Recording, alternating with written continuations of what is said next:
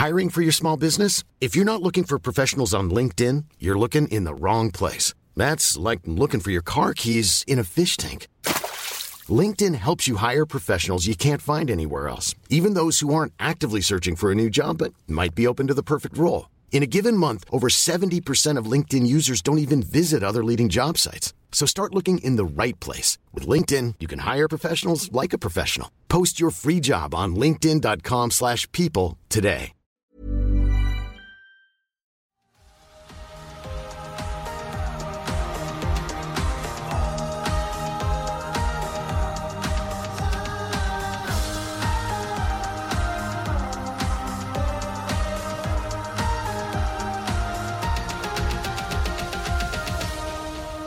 Då eh, hälsar vi välkomna till eh, Öjsnack. Ett av de eh, avsnitten som vi tycker är absolut roligast att spela in på året. Eh, det är ju nämligen så nu att eh, våren är här, det är sommartid igen och eh, framförallt så, så är det dags för svensk seriefotboll igen. Vi har ju både Allsvenskan och Superettan som drar igång nu till helgen. Det är ju onsdag när vi spelar in detta så att det närmar sig. Eh, för ÖIS är det ju sex dagar kvar. De drar igång eh, på tisdag. Sex dagar när vi spelar in det här då alltså. Ehm, så att eh, det, premiärnerverna börjar infinna sig och matcherna kommer, kommer allt närmare för varje dag nu. Ehm, hur är din känsla, Marcus? Nej, men man är ju förhoppningsfull. Det, som alltid i de här tiderna. Det ska bli fantastiskt roligt att få komma igång. Det är det här man har längtat efter ända sedan december när eh, säsongen avslutades. Så, eh, det, ska bli, det ska bli fruktansvärt kul att, att se hur, hur det går för ÖIS i, i år. Ja, precis. Nej, men det känns ju som att det är en roligare serie än på många år. Det känns ju väldigt klyschigt att, att säga det gång på gång. Liksom. Men, men eh, det, det, blir ju aldrig tråkigt det här och det har kommit lag till serien som är väldigt intressanta på många sätt. Det är kvar lag som är intressanta. Vi har inget originalderby i år och det är tråkigt men det finns ändå ganska mycket att glädjas åt. Så att det, känns, det känns ändå som att vi har ett roligt år framför oss. Och det är liksom en fotbollsfest som kommer pågå fram till, ja nu vet jag väl inte det exakta slutdatumet, men det är väl någon gång i, i mitten av november skulle jag gissa.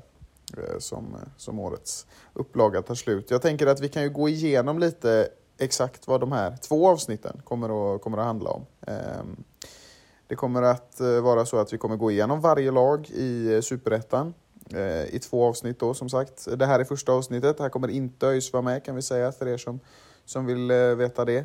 Och sen kommer vi ha en del två där ÖIS kommer vara med. Vi kommer ta åtta lag i varje. Eh, jag kommer snacka igenom laget, snacka igenom lite vad som har hänt de senaste åren, titta på värvningar, titta på vad man har, göra en djupanalys helt enkelt och sen så kommer vi, när allting är färdiganalyserat så kommer de få ett betyg mellan eh, 1 och 10. Eh, en liten power rating kan man säga, så det är lite annorlunda från vad vi har gjort tidigare år.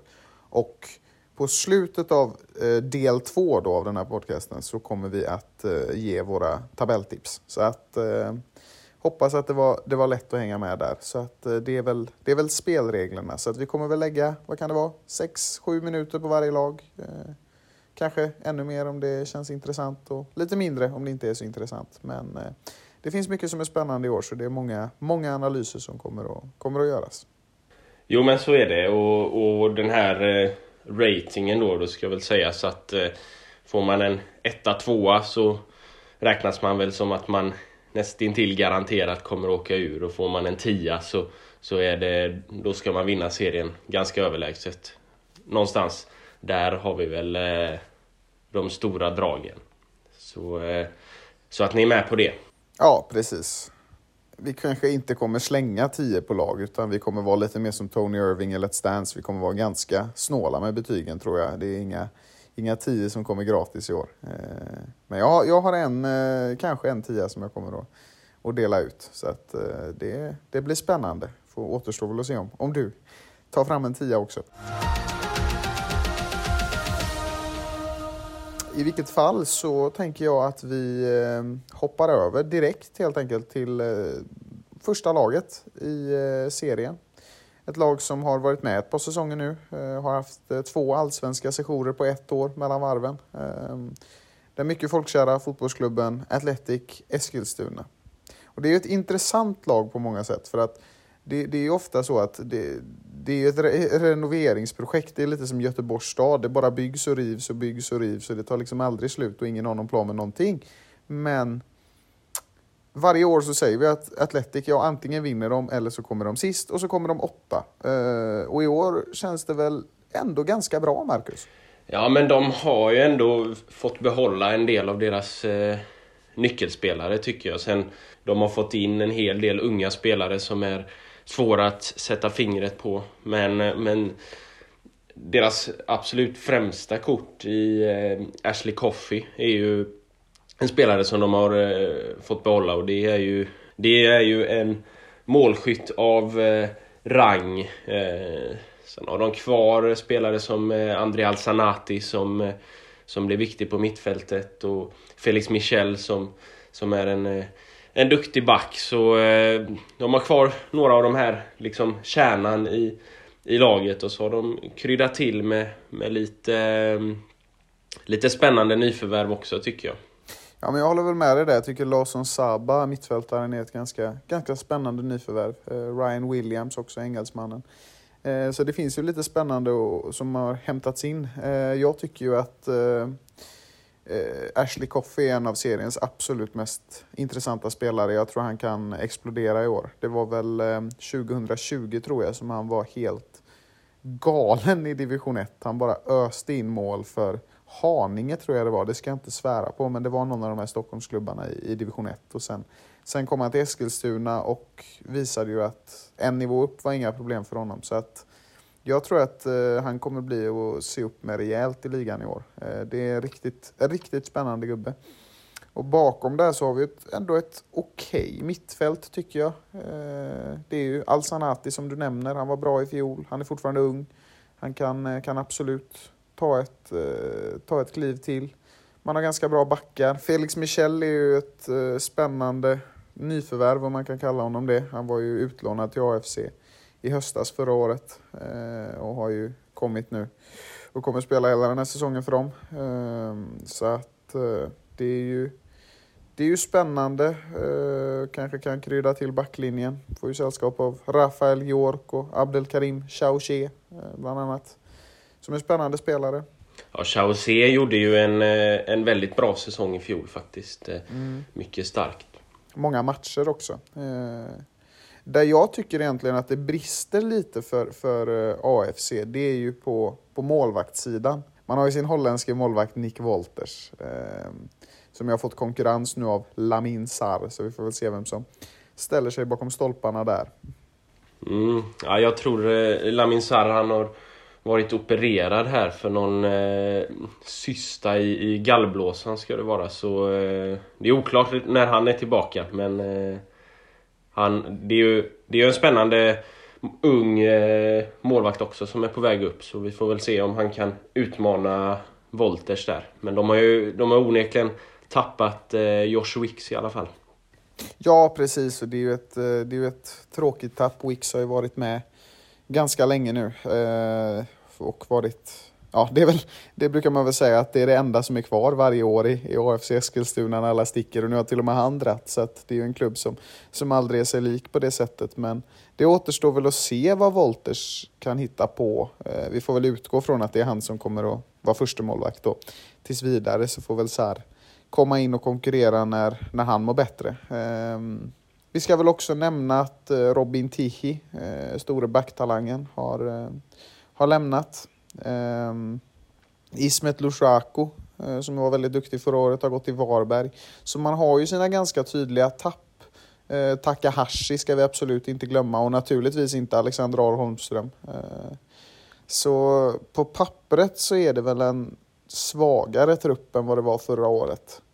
Men jag tycker mig ändå ana en viss potential i det här laget och det, det beror ju ärligt talat mest på Ashley Coffeys sanslösa målsinne och att man ändå någonstans har en ganska fungerande backlinje. Så att jag tror inte det kommer bli någon katastrof för AFC utan jag tror väl att det kommer vara ett mittenlag som vanligt. Eh, vad, vad känner du? Jo, men alltså det, det, är väl någonstans där som de eh, kommer att ligga. Sen har de ju tappat lite rutin i då ja, framförallt Joshua Wicks och, och även eh, Ibrahim Blatti Touré som, som inte längre är kvar heller. Även om han inte presterade så bra på planen förra året så, så bidrog han ju med, med rutin och, och det behövs kanske lite mer rutin i det här ganska unga laget som det, det ändå är till, till stora delar. Och Felix Michel bidrar ju lite granna där och, och, och, några andra som har varit i klubben ett tag. Men eh, ja, jag tror att eh, rutin från, från den här nivån kommer eh, saknas i, i årets upplaga av, av AFC och därför tror jag att de, de kommer väl vara någonstans eh, i mitten mot eh, nedre halvan där någonstans. Ja, det är väl där jag utgår från att de kommer vara också. Men jag vill ändå lägga in ett litet varningens finger från, för dem just för att det är AFC Eskilstuna. Eh, och man vet aldrig vad som kan hända. Eh, de har ju i alla fall en spännande tränare i Jawad Al-Jabouri. Eh, bara 30 år gammal, så det är en ganska ung tränare som Ja, elit, eh, elitfotbollens yngsta tränare just nu i alla fall. Ja, det är väl så va? Mm. Det brukade ju vara Mac Lind som, som satt på den posten, men eh, nu har han eh, fått lite konkurrens. Så bara det är ju väldigt spännande att se hur det fungerar. Och sådana där unga tränare kan ju många gånger stå för eh, riktigt bra jobb. Eh, så att eh, det är spännande. Men om vi ska, om vi ska sätta ett betyg här på, på AFC Eskilstuna, vad, eh, vad sätter du? Ja, men det, det, de är ju som vanligt eh, svåra att sätta fingret på helt. Eh, Sen, ehm, alltså deras försäsong har varit ganska bra. De har gjort många mål mot bland annat eh, J Södra och, och Dalkurd och lyckades stänga igen ganska bra mot Norrköping i genrepet även om Norrköping såklart dominerade spelmässigt. Eh. Men ehm, jag tror ju att de kommer vara något mittenlag där någonstans så jag eh, får väl sätta en fyra på AFC. Mm. Uh, ja, men spännande. Ja, baserat på stark försäsong och intressanta spelare så, så sätter jag faktiskt en stark femma. Uh, jag, tror, uh, jag tror det kan bli spännande med, med AFC i år. Ehm, de är alltid lika svårtippade. Jag blir inte förvånad om de vinner ligan med 10 poäng och jag blir inte förvånad om de kommer sist med 10 poäng. Så kan vi väl säga. Men eh, mest troligt så så hamnar de ju i mitten. Men eh, det blir spännande att eh, följa dem. Vi, eh, vi gör väl så att vi går över helt enkelt till en nykomling i år. Eh, det var ju inte en jätteenkel väg man tog upp. Det blev ju en eh, andra plats i division 1 norra efter, efter en ganska hård kamp och sen så lyckades man ju slå ut Guys i playoff så vi säger väl välkomna tillbaka till Dalkurd helt enkelt. Som alltid också en spännande klubb och en ganska ny klubb i svensk elitfotboll. Ja men Dalkurd är ju kanske lite likt eh, AFC på det sättet att ehm, de är lite svåra att få grepp om. Det är en hel del eh, nyförvärv men jag tycker eh, till skillnad från AFC då så tycker jag att de har fått in kanske lite starkare kort faktiskt. Ehm, de har en hel del, ehm, visserligen en hel del från utlandet, men några av dem är faktiskt värda att nämna. Eh, Fabio Dixon har spelat en del i schweiziska ligan och framförallt Andreas Katsanotsi som, som har gjort eh, en hel del matcher för Apoel i, i cypriotiska ligan och, och även eh, spelat i, i Cyperns u landslag ehm, så det kan bli en eh, viktig anfallare då i, i, i Katsanotsis och eh, försvarare i, i Dixon där. Ja men absolut, det är två jättespännande nyförvärv och jag tycker ofta Dalkurd kommer med spännande nyförvärv. Ja, men det här är ju två gubbar som onekligen vet vad det innebär att spela på den högsta nivån och det är inte så stor skillnad mellan till exempel allsvenskan och schweiziska högsta ligan. Sen kan det väl vara lite barriär mellan eh, svenska och cypriotiska men vi ska komma ihåg att Apoel är en väldigt bra klubb. Ehm, så det finns mycket intressant som är hämtat från, eh, från Dalkurd. Samtidigt eh, så har man ju spelare som eh, Haron eh, Subair som var bra förra året på mittfältet och Arian Kabashi eh, som, som är en duktig anfallare. Ehm, Jag tycker dock att man har fått in ytterligare två väldigt spännande, eh, lite mer för oss namnkunniga spelare i Rewan Amin och Ahmed Awad.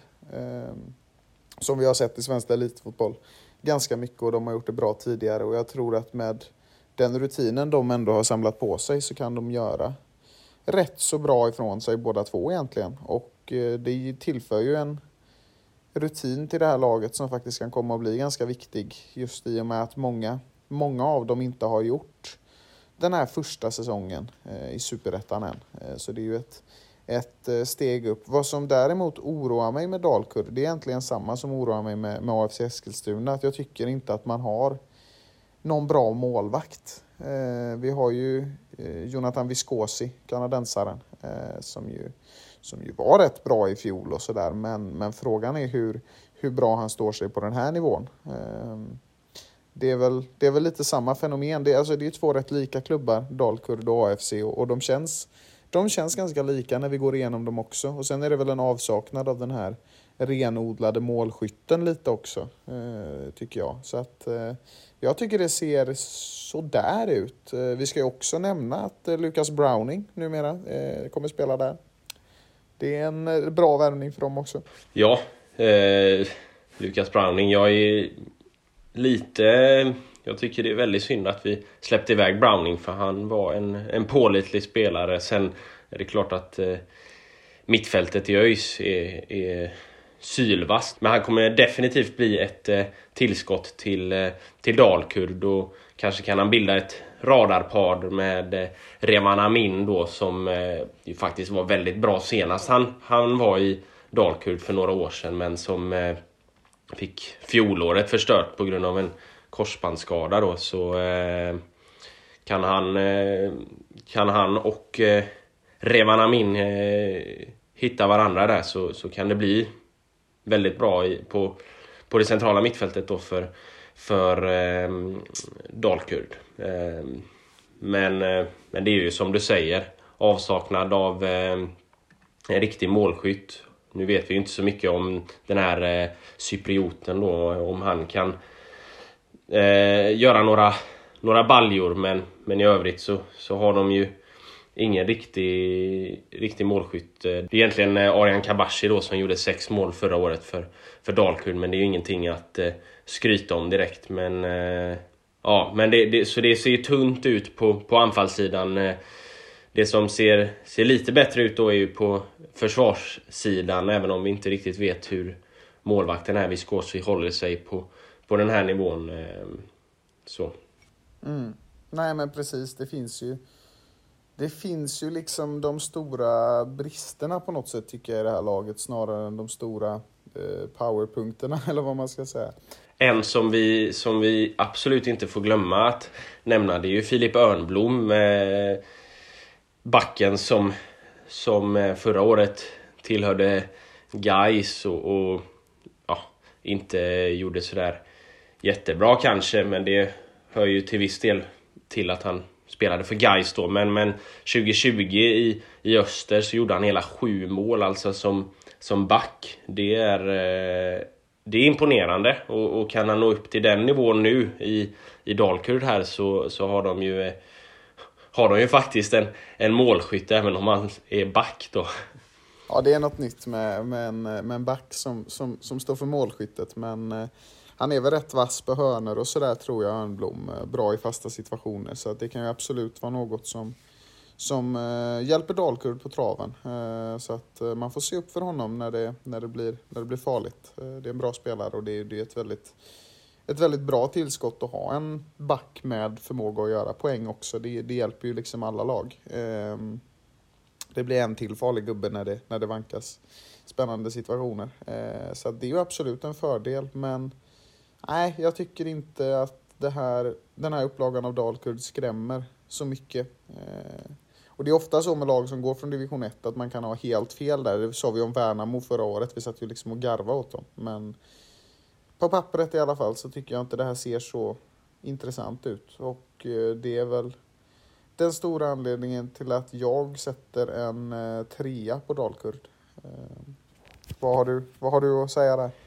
Nej, men jag är väl eh, beredd att hålla med dig där. Jag, jag ger dem också en, eh, trea. Eh, jag tycker att eh, truppen är väl eh, lite tunn på sina ställen och, och sen också med, med tanke på att de har fått in ganska mycket nytt. Ny tränare i Dalibor Savic som inte alls lyckades med Vasalund i fjol och, och försäsongen har väl sett sådär ut. De har förlorat med 7-1 mot, mot AFC bland annat så eh, nej, det, eh, det ser väl inte sådär jättebra ut så jag, jag sätter en trea. Jag tror att de eh, får, får kämpa kring, eh, kring nedflyttningsstrecket där. Men om vi då går vidare till eh, nästa lag så har vi väl, eh, om vi går från nedflyttningsstrecket så går vi väl definitivt till uppflyttningsstrecket. Det här är eh, kanske seriens eh, absolut på pappret starkaste lag, nämligen Halmstad BK som är nedflyttade från, från Allsvenskan i fjol. Där de gjorde en väldigt stark säsong ska sägas. De släppte bara in 26 mål, näst minst i hela serien och, och ändå så åkte de ner. Så det, det är väl eh, ett av de lagen som på senare år i alla fall har gjort den, den bästa säsongen i Allsvenskan och ändå åkt ner.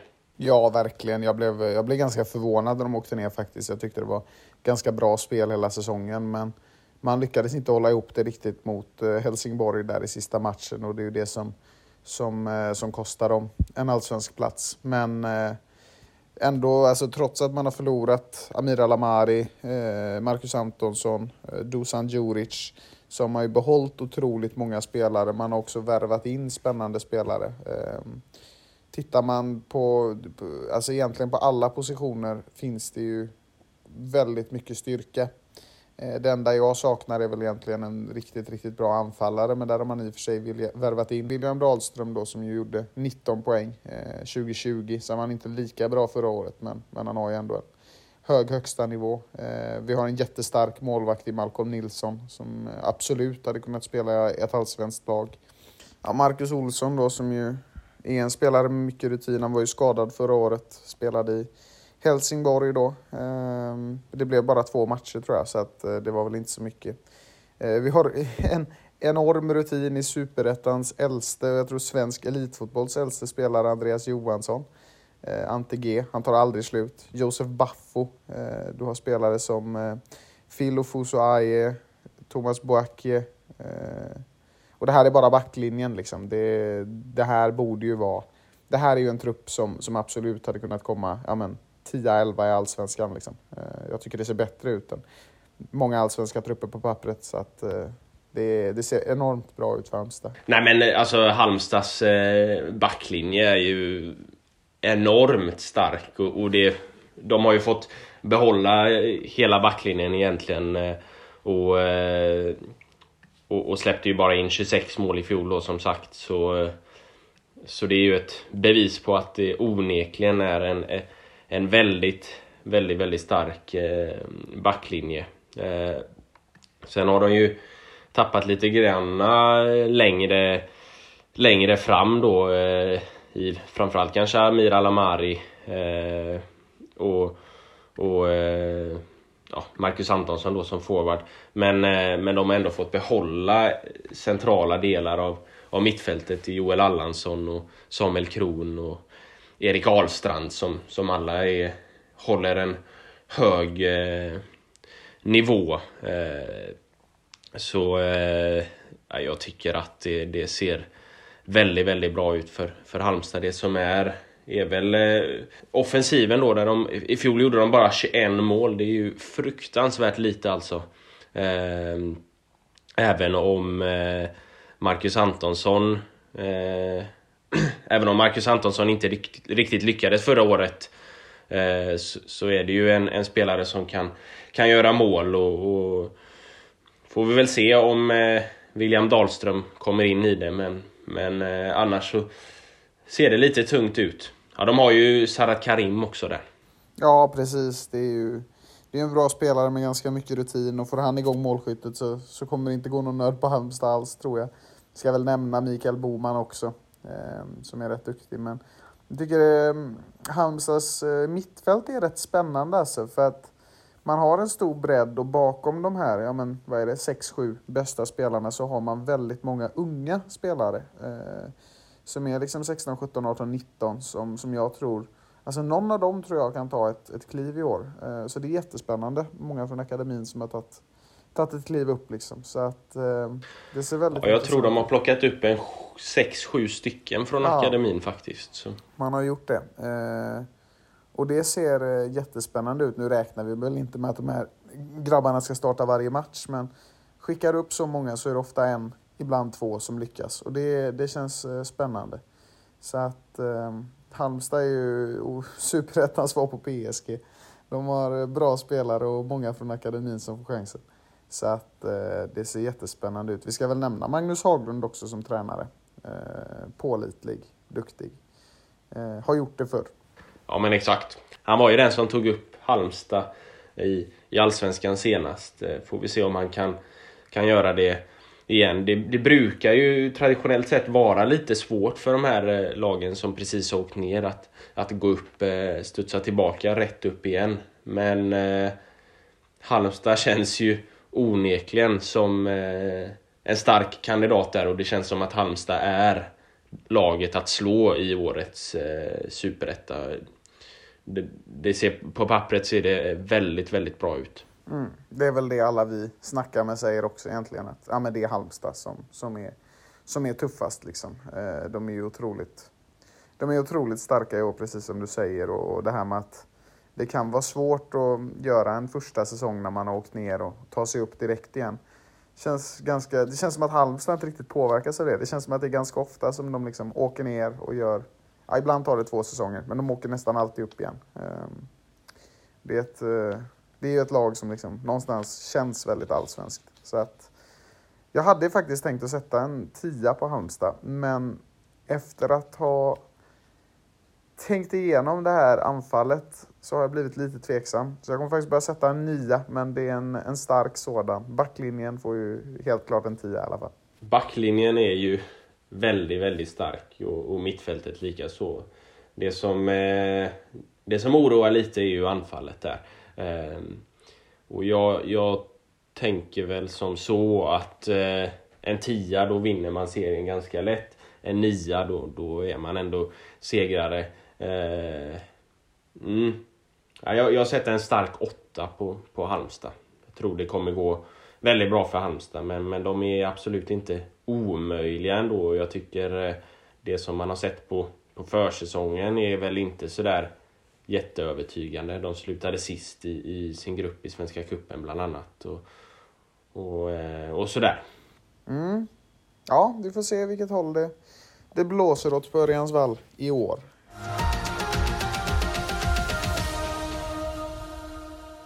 Vi eh, går vidare och då hamnar vi på eh, IF Brommapojkarna, denna nykomling och eh, jojo-lag som studsar upp och ner från, från Allsvenskan och, och, och Division 1 med Superettan däremellan år efter år och förra året så gjorde de en urstark säsong i ettan norra. Om Halmstad gjorde det bra defensivt i Allsvenskan så gjorde Brommapojkarna om möjligt ännu bättre, om än i ettan norra där då, där de bara släppte in 18 mål.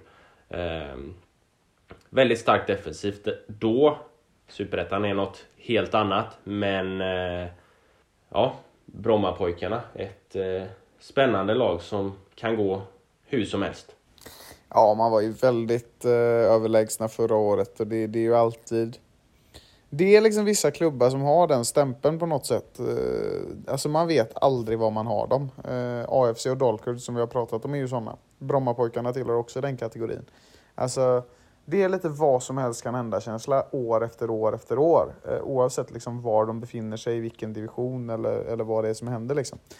Men om vi tittar liksom lite på truppen så, så känns det ju spännande, men jag tycker ju inte det känns som att de kommer att göra en klassisk Brommapojkarna och ta klivet direkt upp i Allsvenskan. För jag tycker att det, det har sina brister. Ehm, har ju två ganska starka målvakter i, i, Jonas Olsson och Alexander Lundin. Ehm, de är ändå rätt bra. Jag tror att de kan göra det helt okej okay på den här nivån, absolut. Ehm, får vi se vem de väljer att ta fram. Eh, tittar du på backlinjen så har du ju värvat in Alexander Abrahamsson, eh, som är en rätt duktig spelare. Man har också med sig Oskar Krusnell som gjorde det bra i fjol. Eh, Amadeus Sögård, eh, Carolas son. Det är alltid något. Eh, så att, ja, det är väl en backlinje som är, som är okej, okay, men eh, inte sticker ut. Nej, jag, jag skulle väl säga där att de har, har tappat lite för många i, i, i backlinjen. Ali Suljic som var väldigt bra ja. förra året eh, blir väldigt svår att ersätta.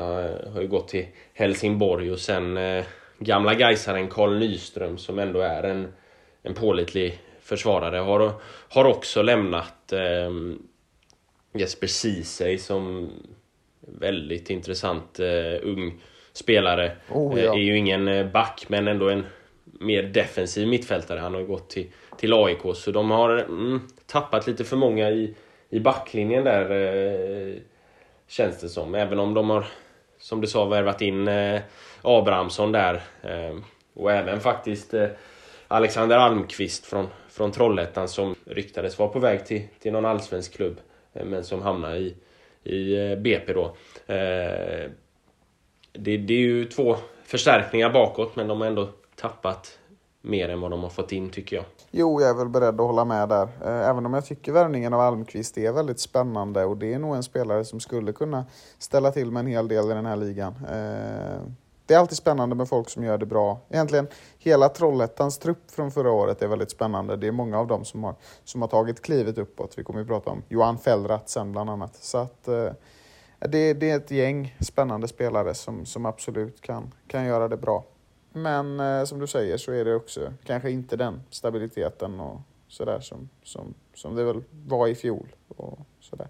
Nej, det, det känns däremot lite mer stabilt då på, på mittfältet och, och högre upp i, i banan. De har fått behålla eh, Marian Kosic eh, som eh, förra året gjorde 28 poäng på 29 matcher. Eh, så han blir eh, en att se upp med. Sen har man förstärkt med, med två stycken riktigt eh, rutinerade kort eh, får man ändå säga i eh, AIKs eh, Heradi Rashidi. Eh, eller gamla AIK-aren. Han var väl eh, någon sväng i Turkiet eller liknande eh, emellan där. Eh, men han bidrar ju verkligen med rutin och, och även eh, Niklas Maripo som senast var i, i Degerfors eh, där han inte spelade så mycket. Han mådde väl psykiskt eh, dåligt där. Men, eh, men eh, det är en spelare med väldigt, väldigt mycket erfarenhet och, och, och en spelare som, som verkligen duger för, för superettanivå. Så det är ju, är ju starka nyförvärv. Om de har, eh, om de har tappat på, på backlinjen så har de ju verkligen förstärkt på, på mittfältet då. Ja, det är ju tre otroligt eh, skickliga spelare. Eh, alla tre kan ju, alltså får de, lär de sig att hitta varandra så blir det ju väldigt, väldigt farligt. Däremot så tycker jag att det ser ganska tunt ut. Jag menar, eh, blir det skador och sådär så, så kommer mittfältet att försvagas ganska rejält på grund av det. Ehm, men eh, Rashidi tycker jag är jätterolig alltid att följa. Man förknippar honom väldigt starkt med AIK. Det känns som att han har varit med länge, men han är faktiskt bara 27 år. Ehm, och sen återstår det ju att se om, om Kosic kan, kan ha sin helt galna poängsvit i år också. Har han kvar den och håller sig i den formen så blir han ju jättefarlig i Superettan och det kommer ju vara något som tar Brommapojkarna långt i serien. Eh, tittar vi framåt i truppen så alltså ja, här har man väl ändå någon slags riktigt bra anfallare i Nikola Vasic. Eh, som ju var i Vasalund i fjol och ja visst, de åkte ner men han gjorde väl ett, ett avtryck ändå på något sätt. Eh, bakom honom tycker jag inte det finns så mycket egentligen. Eh, man har värvat in Oskar Pettersson. Eh, sen har man ju sen, sen förra året Rodin Deprem, Monir Jelassi med mera. Men jag vet inte, det känns som att Brommapojkarna på det stora hela taget har alltså individuell skicklighet som är rätt så stor, men jag tycker ändå att någonstans så brister det på att eh, bredden inte riktigt finns. Ja, eh, så är det ju. Eh, sen så ska man ju komma ihåg det att eh, det här är Europas, eh, en av Europas absolut största talangfabriker. Så eh, vi kommer säkerligen få se någon av de här yngre spelarna som vi aldrig tidigare har sett och som vi inte kan bedöma nu. Eh, att vi kommer säkert få se någon av dem utvecklas och, och göra en, en bra säsong. Christer Mattiasson han satt ju på, på upptaktsträffen och, och, och snackade upp eh, Wilmer Åderfalk som, som den som har stuckit ut eh, under, eh, under försäsongen och gjort eh, enorma framsteg. Eh, bara 17 år gammal eh, central mittfältare. Han har ju tillhört BP's akademi i några år och gjort det bra där och nu blivit upplyft i, i, i A-laget. Gjorde väl någon match i fjol i ettan tror jag men eh, det blir onekligen eh, spännande att se om han eller någon av de här andra eh, juniorerna kan, kan ta eh, klivet. För det är ju lite det som man kanske får BP får förlita sig på. Att, att någon eller rent av ett par, tre stycken av eh, eh, de här ungdomarna eh, tar klivet och, och gör en riktigt, riktigt bra säsong. Just för att de saknar den här bredden då. Ja, precis. Jo, men så är det ju. Och är det en ungdom från Brommapojkarna som tar ett stort steg så, så är det lite som att eh, skriva på sitt egna avskedsbrev för att då finns det ofta internationella klubbar som, som hugger i en direkt. Um, vi ska väl kanske nämna också att eh, Brommapojkarnas enormt stora talang Jadel Kanga, född 2005, har lämnat för eh, Bayer Leverkusen. Eh, ge honom eh, fem år eh, så tror jag att det kan bli en av Sveriges absolut bästa spelare. Han är jätte, jätteintressant. Eh, så att, och, och, grejen är att tittar du på de här ungdomarna i det här laget, alltså jag blir inte förvånad om jag ser två av dem i landslaget om ja, men sju, åtta år. Sen tror jag inte att eh, de kommer att göra så jättemycket avtryck i år, men eh, det är kul om någon får till det riktigt bra. Och Odenfalk där som du, som du nämnde är ju, är ju jättespännande. Eh, så att det är en eh, trupp med mycket talang, men frågan är om, om rutin och bredd finns. Eh, och det tror jag inte. Och det är anledningen till att jag sätter en ganska svag fyra på Brommapojkarna. Jag tror inte riktigt på det här i år. Vad känner du? Eh, ja, men jag, jag eh, sätter väl också en eh, fyra. Jag tycker om man, om man jämför med, med Dalkurd så, så ser väl Brommapojkarna kanske lite starkare ut. Men eh, inte så värst jättemycket. Så eh, det blir en eh, fyra för mig också där. Då går vi över till eh, nästa lag från eh, från Dalarna. Ett eh, lag som är eh, väldigt eh, klassiskt egentligen för, för superettan får vi säga. Eh, IK Brage som har gjort ganska många säsonger i rad nu. Ehm, och det ser väl ganska bra ut i år kan jag tycka. Det är väl en eh, trupp som man har tappat lite men man har fått in lite också. Eh, låter som, som vi säger om alla klubbar egentligen men framförallt så har man ju värvat många spännande Eh, defensiva spelare. Ja, det har man gjort. Eh, framförallt kanske Jonathan Tamimi som, som senast kommer från, från Dal. Eh, kanske framförallt Jonathan Tamimi som senast kommer från, från Degerfors eh, och, och, har, har stor eh, allsvensk eh, erfarenhet. Men även en sån som Pontus Redin som gjorde det bra i, i AFC i fjol och, och, och sådär eh, har har kommit in eh, sen, ja, de har ju värvat in en hel del eh, defensiva spelare. Många un, unga och, och, lovande spelare. Eh, så vi får väl se vad det, vad det landar för, för Brage. Ja, nej men det är, det är ju ett defensivt totalt nybygge egentligen. De flesta som vi räknar med kommer vara tongivande är ju, är ju, är ju nya och det kan ju landa lite hur som helst. Det kan väl vara lite svårt med kommunikationen och det här med att hitta varandra i början. Ehm, eller så, så blir det en drömträff. Eh, jag tror väl mer att det kommer ta lite tid för, för Brages defensiv att komma igång.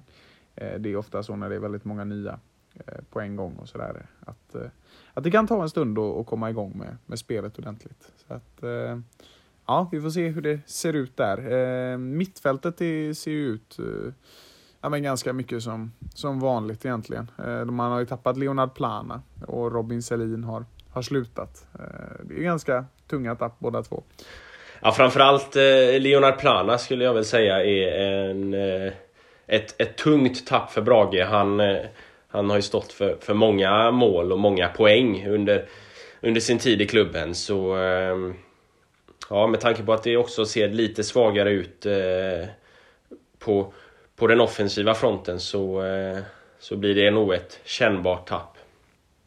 Ja, det är så det känns faktiskt. Det, det, på ett sätt, eller det är väl deras viktigaste spelare egentligen, Plana. Eh, han är ju otroligt bra när han når sin högsta nivå och sådär. Och får väl se hur han lyckas i John Nam Dragons nu då, eh, hans nya klubbadress. Eh, annars så har man ju kvar eh, Seth Hellberg och Anton Lundin eh, på mittfältet. Det är vår, vår gamla vän Anton Lundin. Vi var ju arga på honom där 2020. Eh, vet inte vad det var han hade gjort riktigt. Det var när vi tyckte Brage maska så. Vi, så att, eh, då var vi lite, lite griniga där. Sen har man ju Adil Titi också, men han har ju åkt på en, eh, på en skada. Så att, eh, får väl se hur det, hur det går för honom. Ehm, eh, och det är ju ett mittfält som är ja, man har ju några till men inte så starka spelare. Eh, det känns svagt mittfältsmässigt, eh, tycker jag. Eh, skadan på Adil City gör mycket negativt också. Jo, men så är det. Eh, vi får väl se om han kommer igång senare i, i sommar eller i, i höst eller när det blir. Men, eh, men ja, annars får man väl förlita sig mycket på, på Anton Lundin och, och Seth Hellberg där då. Eh, för i övrigt så, så är, det, är det ganska unga och oprövade spelare på, på mittfältet. Och tycker väl att anfallet ser, ser väl lika tunt ut där, tycker jag. Ehm, de har ju visserligen lånat in igen då Joakim Persson från, från Sirius som kan göra en del mål och, och definitivt behöver göra en del mål nu när Plana har lämnat. Ehm, Douglas Karlberg kan också bidra med en del mål men eh, alltså det, det ser ganska svagt ut. Egentligen, eh, egentligen rakt igenom för, för Brage. Det, det är väl kanske backlinjen då som, som räddar dem lite grann. Eh, eh men eh, i övrigt så ser det, ser det ganska svagt ut. När jag har läst på om Brage inför så har det ändå känts ganska bra. Ehm, men nu när vi gör den här analysen så, eh, så känns det faktiskt inte så bra. Det här känns ju faktiskt ganska mycket som en kandidat till nedflyttning, och vilket man ju nästan var förra året. Ehm, man var ju nere i botten länge och nej, i och med att det inte ser starkare ut i år så, så blir det nog en svag trea från mig. Ja, jag håller nog eh, med dig där också. Jag sätter också en, eh, en trea på, på Brage. Ett lag som däremot ser starkare ut än på länge i år, det är eh, Jönköping Södra. Mm. Eh, de har ju verkligen eh, storsatsat i år och av media så är de en av de absolut stora favoriterna. Eh, tycker väl också att det ser bättre ut än vad det har gjort innan men eh, att de ska vara en av de största favoriterna där vet jag inte riktigt om jag håller med. Nej, det, alltså det, jag tycker att det ser väldigt starkt ut framförallt på mittfältet för, för Jönköping. Men det är ju lite det här med anfallet. Man har ju ÖIS-hataren Edin Hamidovic på topp. Eh, och han brukar ju kunna vara rätt farlig, men om man liksom är den strikern som ska ta Jönköping hela vägen upp, det har jag väldigt svårt att se. Ja, vi, ja, vi ska komma ihåg att han gjorde ju en eh, egentligen usel session i, i Turkiet och en eh, dålig eh, höst i, eh, i Jönköping i fjol. Det fick inte alls någonting uträttat visserligen. Jönköping gjorde inte bra heller eh, som lag men Edin Hamidovic, ja, alltså i sina bästa dagar så är han ju, är han ju ändå en, en pålitlig eh, forward men då måste han alltså komma upp en, en nivå eh, gentemot vad han spelade i fjol. Det, det, så, kan, så långt kan man ju säga. Ja, ja, jo men så är det ju. Alltså det, det behövs en nivåhöjning där. Ehm, Men tittar du på, på målvaktssidan så har man faktiskt värvat in Tom Amos. Det är lite spännande, den gamla IFK-målvakten. Nu räknar inte jag med att han ska bli första målvakt utan jag tror Felix Jakobsson kommer att ha den posten. Ehm, annan ung, spännande målvakt. Och tittar du i backlinjen så har man ju värvat in Henrik Lövqvist eh, som också är jättespännande. Eh, sen har du från förra året då eh, Daniel Strandsäter, eh, Sebastian Krona, Ben Lamin, jag menar, rent defensivt så är det ju ändå ganska spännande skulle jag säga. Eh, värvningen av Löfqvist känns eh, jättebra. Eh, det tror jag kommer vara ett stort tillskott och jag tror det kommer vara en av anledningarna till att Jönköping Södra kommer vara en av de mer starkare Klubban om vi tittar defensivt. Eh, ja, han har ju varit lite skadad på senaste, men, men var det 2020 eller 2019 som han gjorde en väldigt, väldigt stark säsong för, för Kalmar. Eh, så, så eh, han kanske kan få lite nyfart på, på karriären i, i Jönköping och då kan han verkligen bidra med, med mycket.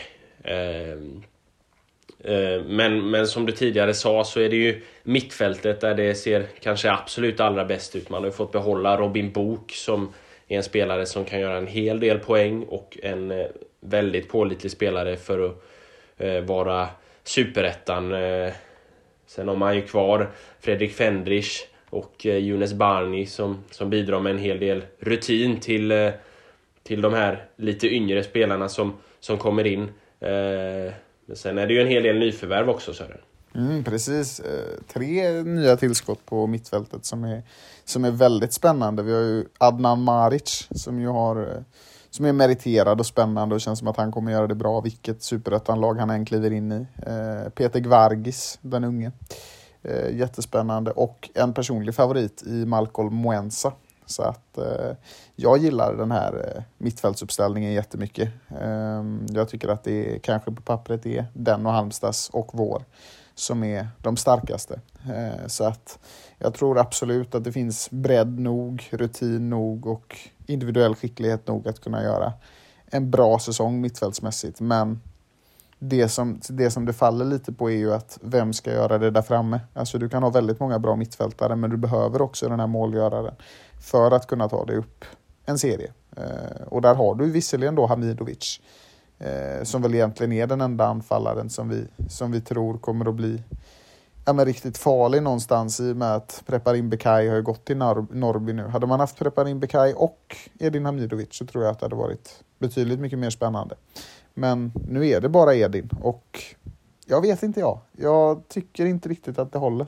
Nej, vi ska inte heller glömma att Erik Omondi som faktiskt gjorde en hel del poäng i fjol eh, också har, har lämnat. Även om han inte kan räknas som en renodlad forward så, så var det ju en, en spelare som gjorde många poäng. Eh, så, så det kommer ju bli ett kännbart tapp där också. Så det är därför som jag ställer mig lite frågande till, eh, till eh, att Jönköping är så pass uppsnackade inför i och med att ja, det ser bra ut eh, defensivt, det ser bra ut på mittfältet, men vem ska göra målen då? Det, det är där som, som ja, allting hänger ju egentligen på att Edin Hamidovic får, får igång sitt, sitt målskytte. Eh, sen finns det ju några, några mittfältare som också kan, kan göra det. Robin Bok som, som tidigare nämnt eh, gör ju många poäng. Men eh, mm, får inte Hamidovic igång det då, då kan det mycket väl vara så att det inte lyfter för, eh, för Jönköping. Nej, precis. Eh, det är faktiskt honom det står och väger på väldigt mycket. Och eh, ja, det finns väl egentligen inte så mycket mer att säga än att det ser väldigt bra ut fram till att vi kommer och titta på forwards. Då, då ser det inte så bra ut. Och skulle Hamidovic bli skadad så är det ju katastrof. Då har man egentligen ingenting att sätta fram. Så att eh, det är väl av den anledningen som jag väljer att sätta en Ja men sjua på Jönköping. Det är en ganska stark sjua. Det hade varit en nia om man hade haft en bra anfallare. Men eh, jag tror inte den här satsningen mot allsvenskan kommer att hålla. I alla fall inte i början. Det är väl möjligt att man hittar någon gubbe sen halvvägs in i säsongen. Men eh, det återstår att se. Ja, jag tycker väl att eh, de ser eh, bra ut på, på stora delar men, men som sagt då eh, offensiven sitter inte riktigt där tror jag och därför så ger jag dem en sex poängare. Från sex poäng till ett lag som kom sexa i fjol och verkligen imponerade då. Låg länge med i, i toppracet. Landskrona Boys eh, som då var nykomlingar. Nu har man ett år i, i ryggen i, i Superettan. Eh, håller de för att fortsatt vara ett topplag 2022? Ja, alltså jag tyckte det var väldigt roligt att få se eh, Landskrona skrälla förra året. Eh, mest för att vi satt och retade dem något så ofantligt när vi gjorde det här uppsnacket i fjol. Eh, det var ju det att då ville man ju bara ta in spelare från närområdet och sådär, så vi snackade om att det var närodlat och att de skulle komma tvärsist och allting och sen fick vi äta upp det ganska rejält, eh, kan man ju säga. Men i år så tror jag inte lika mycket på Landskrona. Alltså man har förlorat ganska många. Eh, Murbeck till exempel. Eh, Andreas i förnamn har gått till Sirius. Du har en sån som Filip Olsson som också har gått till Sirius. Robin Hofsö har försvunnit. Underskattad tycker jag, Robin Hofsö. Ehm, Kevin, Kevin Jensen har gått... Ja, Kevin Jensen har gått till Kalmar. Jättestort tapp. Ehm, Eh, vi ska inte glömma eh, Sumar Almaged också. Som, eh, som gjorde det bra i fjol och har gått till, till Helsingborg. Eh, så så det, är, det är många tunga tapp som de, som de har gjort där.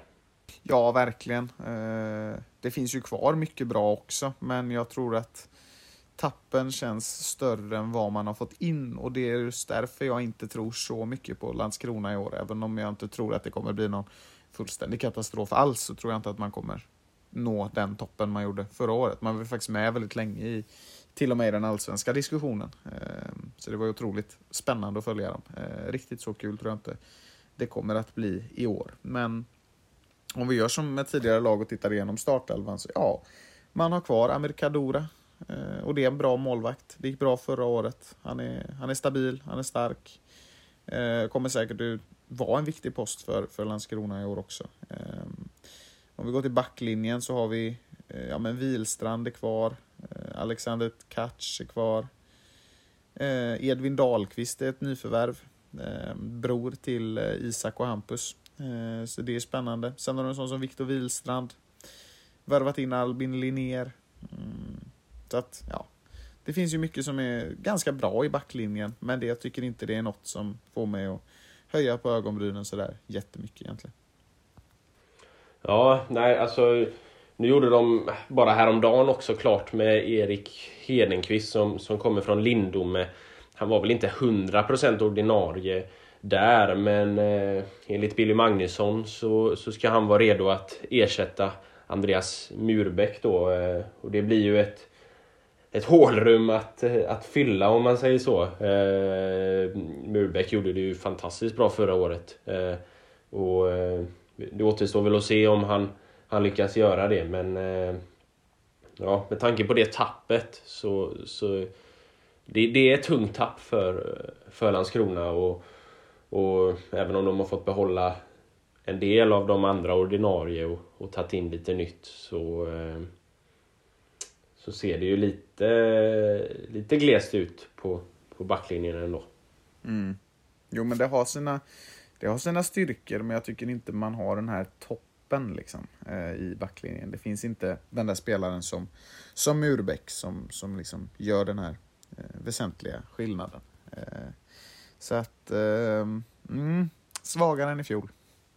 Ja, tittar man på, på mittfältet så har de ju fått behålla eh, Filip Ottosson som gjorde 4 plus 5 förra året. Eh, en, en stark spelare som, som gör många poäng. Eh, man har fått in lite spelare i, i Nikola Ladan, eh, mycket erfarenhet.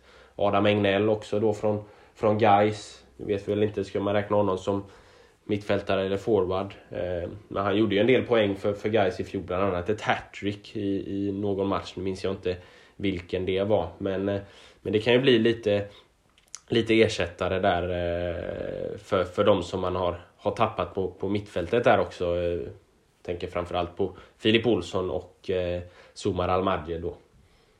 Ja, men det är ett bra eh, mittfälten mittfält ändå. Jag tror väldigt mycket på Melker Hajer i år. Jag tror att han kan ta ett eh, stort kliv faktiskt. Så att där har jag lite, lite personlig förhoppning eller vad man ska säga. Jag tror han kan, kan göra det bra. Eh, annars så, så är det väl precis som eh, försvaret egentligen. Det ser ganska bra ut men det är ingenting som får en att riktigt höja på ögonbrynen sådär. Eh, så att ja, mittfältsmässigt, ja, det är liksom, det är tre plus. Det är helt okej. Okay. Kanske lite svagare än, än försvaret. Um, tittar vi framåt anfallsmässigt så har vi ju kvar Linus Olsson i Landskrona. Um, ny, nyförvärv också i Robin Zabic som jag tycker är spännande. Jag tror han kan passa in ganska bra i Landskronas sätt att spela fotboll på. Uh, så det blir jättespännande att se vad han kan göra. Sen har du en sån som Viktor Ekbom, bland annat, Erik Persson, Uh, med mera, med mera. Ehm, tycker anfallet ser starkt ut faktiskt. Eh, jag tror rätt mycket på, på de här två. Eh, framförallt Olsson och, och Tsabic. Eh, kan de få kemi så kan eh, Landskrona bli rätt farliga. Ja men Olsson gjorde ju åtta mål i, i, i fjol och det får ju anses vara ganska starkt. Och Tsabic, som ju var i Värnamo då i fjol, gjorde fyra mål där. Inte riktigt som, som startspelare heller och, och, och är fortfarande ganska ung. Så han, eh, han kanske kan blomma ut nu då i, i Landskrona. Sen vet vi ju inte, kommer Adam Egnell spela som, som forward eller kommer han vara lite mer eh, längre bak i, i banan? Eh, men, men de har ju de har ju målskyttar i alla fall i, i Landskrona. Det ska väl, ska väl sägas. Även om tappet på, på Kevin Jensen kommer att, att kännas.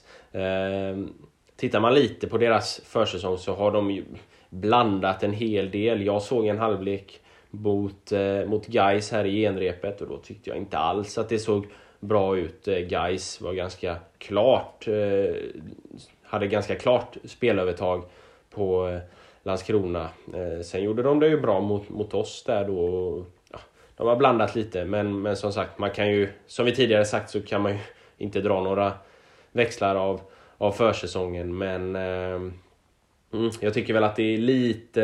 Ja, förra året så tyckte vi väl att de var väldigt svaga men det blev de ju inte. Men eh, i år så tycker jag väl att det ser lite sämre ut än vad det gjorde förra året, även om det ser ja, helt okej okay ut.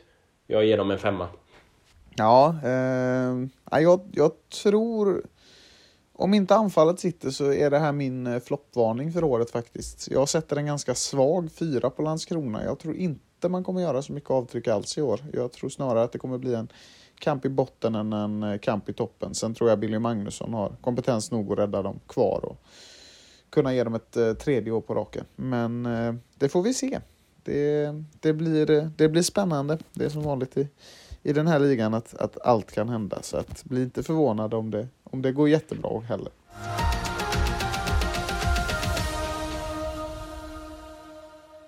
Ja, men vi går väl från ett eh, skrällag till ett annat eh, från förra året. Eh, ett lag som du och jag totalt dömde ut när vi pratade om dem förra året. Vi dissade dem betydligt mer än när vi pratade om eh, Landskrona och Värnamo. Eh, Norrby IF, som väl får eh, nästan anses vara ett topplag i, i Superettan nu.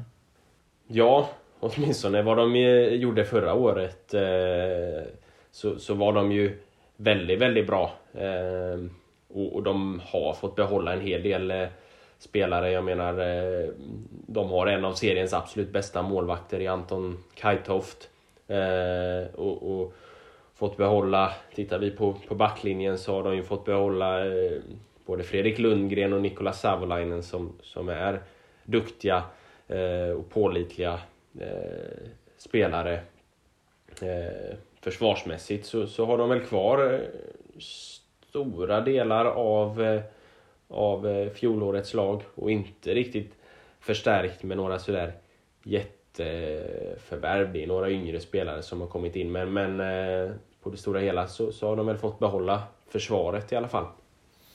Ja, det är väl Krasniqi där som har, som har lämnat men men att du ändå har kvar eh, Savolainen och, och Lundgren, eh, Viktor Berg och sådär. Det, det, är, det är jättebra spelare som kan absolut kan ta ännu ett kliv i år liksom och, och göra det riktigt bra. Så att eh, försvarsmässigt så ser det starkt ut och precis som du nämnde så är ju Anton Kajtoft otroligt duktig eh, som målvakt. Kanske rent av den bästa i Superettan. Eh, så att han är ju enormt stark där. Ehm, Tittar vi ner på mittfältet så är det många bra spelare där också. Eh, man har värvat in Anton Wede, eh, bror till eh, Kalle från Falkenberg. Sen har man också värvat in Christian Rubius Sidovedov som väl var i Akropolis senast.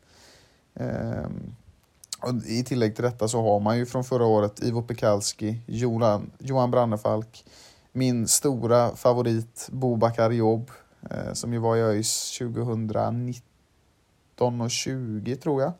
Det är bara 20 va? Det var bara 20, var inte med 19 också? Ah, han blev en stor favorit i vilket fall. Och eh, en ständig eh, underhållningskälla. Ehm, så det är, ett, det är ett väldigt starkt mittfält egentligen. Ja, eh, jag, framförallt eh, så är ju jag är lite förvånad att man får behålla Ivo Pekalski som är, är en väldigt, förra året var han väldigt, väldigt viktig och, och är en, en stark, stark mittfältare. Eh, och Johan Brannefalk som du sa också eh, en, en pålitlig spelare. Eh, det ska bli intressant att se om, om Christian Rubio kan, kan komma in i det. Han gjorde det helt okej okay i, i eh, Akropolis i fjol och varit ordinarie där en, ett antal säsonger. Så nu får vi se om han kan eh, fortsätta och briljera på den här nivån. Han gjorde 3 plus 4 förra året och, och, och, och sådär. Eh, jag tror också att, att Anton Wede kan komma att bli viktig för, för eh, Norrby. En, en, spelare som, som jobbar hårt och, och, och springer otroligt mycket.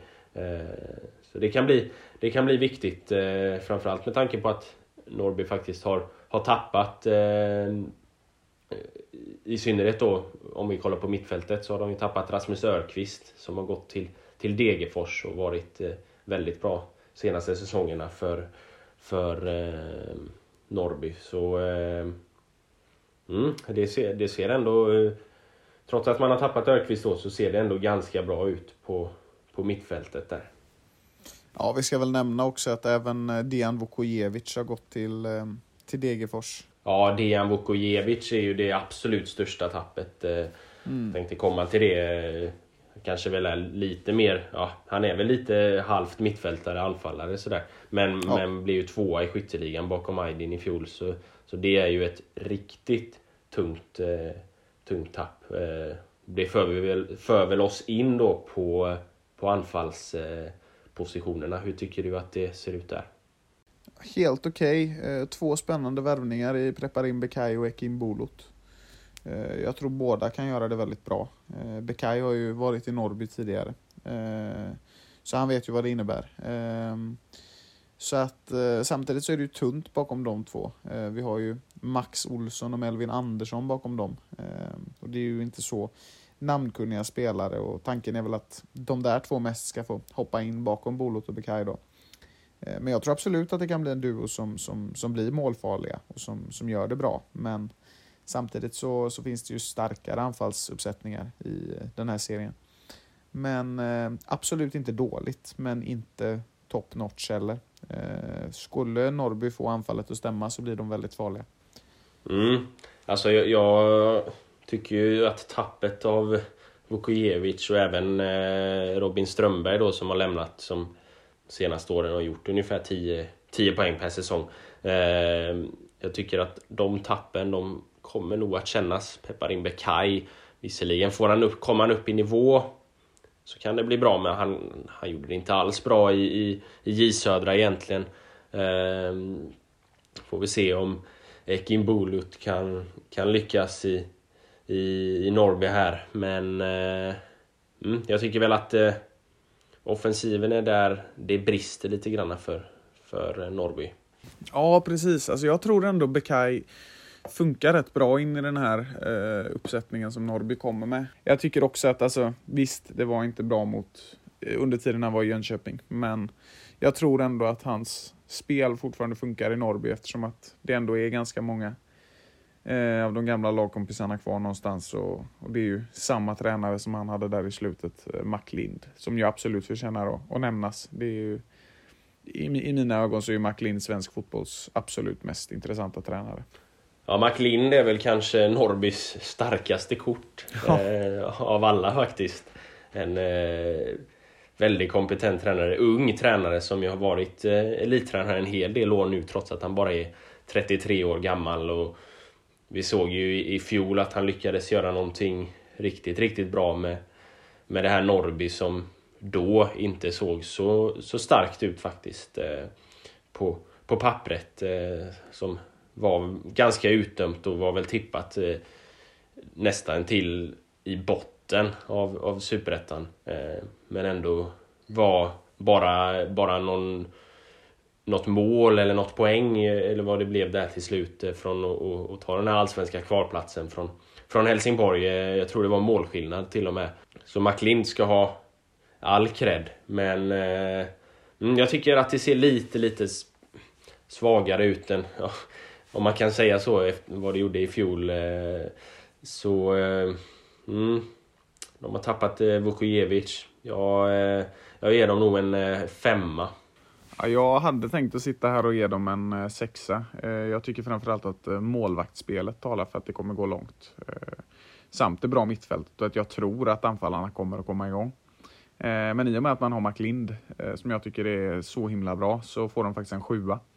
Eh, jag tror absolut Norrby kommer vara med där uppe i år också. Jag tror inte det kommer räcka hela vägen, men jag tror att de, eh, de kommer att nå långt faktiskt. Så att, eh, nej, det blir jättespännande. En av de lagen jag ser mest fram emot att följa faktiskt den här säsongen.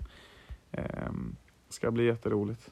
Ja, då var vi klara med de första åtta lagen här och därmed också det första avsnittet i den här uppsnacket av Superettan 2022